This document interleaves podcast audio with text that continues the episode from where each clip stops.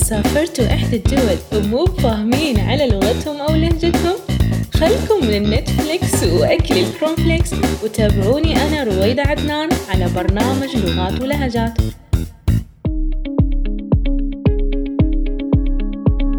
حديثي لليوم في أول حلقة لينا عن اختلاف لهجاتنا لهجات خليجية وعربية شو اللي تفضلونه من اللهجات اللي راح نحكي عنها اليوم؟ مم سلطنة عمان. أدري فيكم. دام كذا خلكم وياي ولا تروحون بعيد وانضموا معاي في رحلتنا الأولى للسلطنة. لو حاب تزور دولة من دول الخليج خلنا نقول سلطنة عمان. قبل كل شي راح أقول لك وقف وقف وصف على جنب الطريق وناخذ ويانا كل زوار الخريف. بما إنه طرينا الخريف طبعا راح تكون الوجهة الأولى لرحلتنا محافظة ظفار ولأن الدرب طويل قدامنا خلونا نسولف وندردش ونتعرف على بعض لهجات السلطنة شتوري هاغامبو مزيما فهمتوا شي؟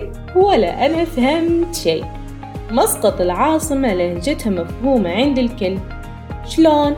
لأن أغلب البرامج والمسلسلات تعرض بها وغير هذا تنوع عديد من اللهجات فيها مثل البلوشية والسواحلية واللواتية وغيرها. بس ما سألتوا أنفسكم عن سبب هالتنوع؟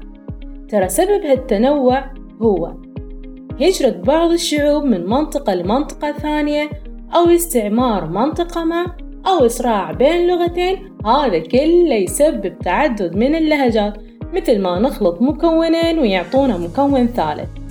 في الأخير راح نقولكم إن لهجة أهل الشرقية تختلف اختلاف تام عن لهجة أهل الداخلية والظاهرة وشمال وجنوب السلطنة. بالعموم خلنا نقول لهجة أهل الحجر ما هي مثل لهجة أهل البحر. اختلاف في المعنى في الظواهر الصوتية وغيره. بس اللي لاحظته ولفت انتباهي إن الولايات الحدودية في السلطنة تشارك الدول المجاورة في لهجاتها وتكون مقاربة نوعا ما. لحظة لحظة. كأني لمحت جبال محافظة الظفار إي والله. والحمد لله على سلامتنا. ومتوجهين طوالي لأحد جبال الظفار؟ تبون تعرفون ليش؟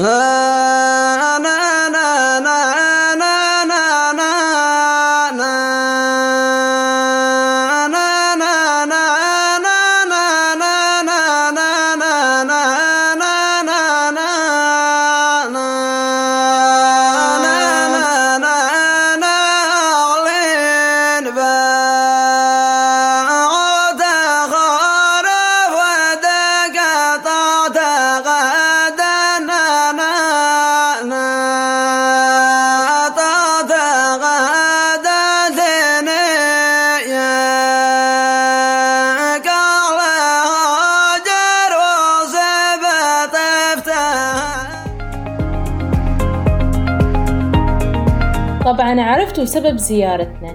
اللهجة الجبالية تعتبر المتداولة في ظفار على المستوى المعيشي إلى جانب العربية اللي هي لغة الخطاب العربي المحلي.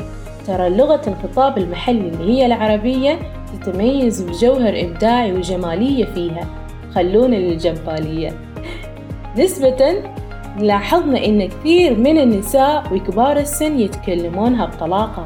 لا. ترى يعلمونها لأهل الفئة الثانية من سكان المدينة. نتيجة الصلاة الاجتماعية المتقاربة. شنو هذا؟ أنا بقولكم مثلا في فصل الصيف تشتد الحرارة في المدينة وهذا يخلي أهل المدينة ينتقلون للجبل. ومع الاندماج المتشارك عاد صاروا أهل المدينة يتكلمون اللهجة الجبالية. وهذا اللي يشكل أكثر من 82 من سكان المحافظة يتحدثونها. ولا تنسون تعتبر من إحدى اللهجات السامية.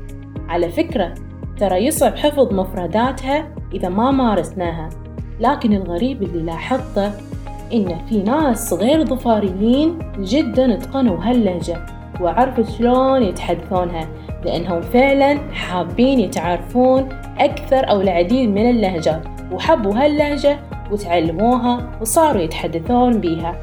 لا تنسون الجانب الشعري يا الله. اللهجة الجبالية تتميز بجانب شعري مثل النانا والهبوت وغيره. لا فوق هذا تتميز بأحرف عن اللغة العربية وهذا ما جعل كتابتها مستحيلة وهي منطوقة وغير مكتوبة. خلونا نتزحزح شوي من جبال الظفار وننتقل لأحد ولايات المحافظة.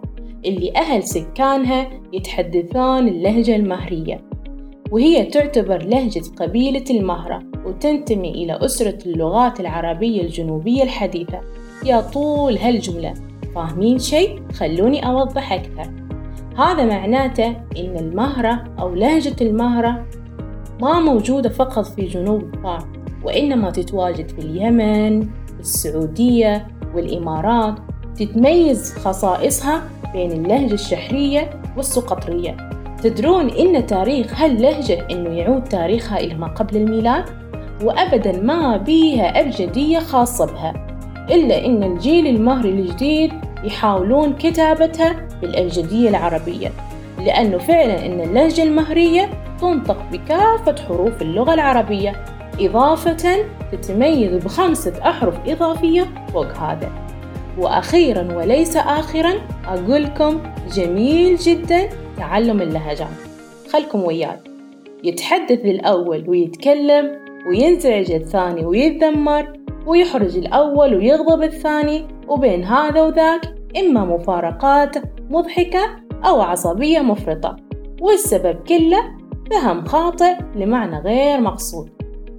تعالي تعالي أبدا ما فاهمين شي من اللي قاعدة تقولينه. راح أوضح لكم لا تستعجلون. مثلا لو أنا ألتقي بشخص من منطقة ثانية ترى اختلفت اللهجات هنا. يا إما أنا أفهمه بشكل خاطئ أو هو يفهمني بشكل خاطئ وهنا عادة تصير. يا إما مواقف مضحكة أو تزيد العصبية من بيننا. فعشان كذا جميل جدا تعلم اللهجات. ناصون راح أختم حلقة اليوم وانتظروني في وجهة جديدة من رحلتنا. لا شلون؟ عاد ذكرتينا اللهجة الجبالية واللهجة المهرية وما بينتينا أي كلمة منها من هذه اللهجات. طيب لحظة راح أقولكم.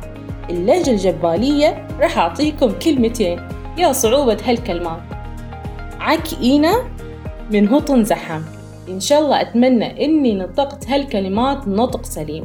وخليني أعطيكم أمثلة عن اللهجة المهرية. حبري.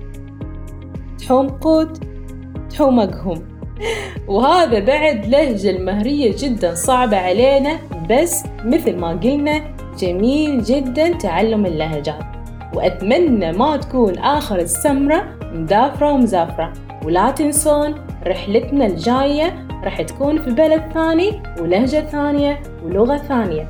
ويحفظكم أرحمون وتخلفكم العافية.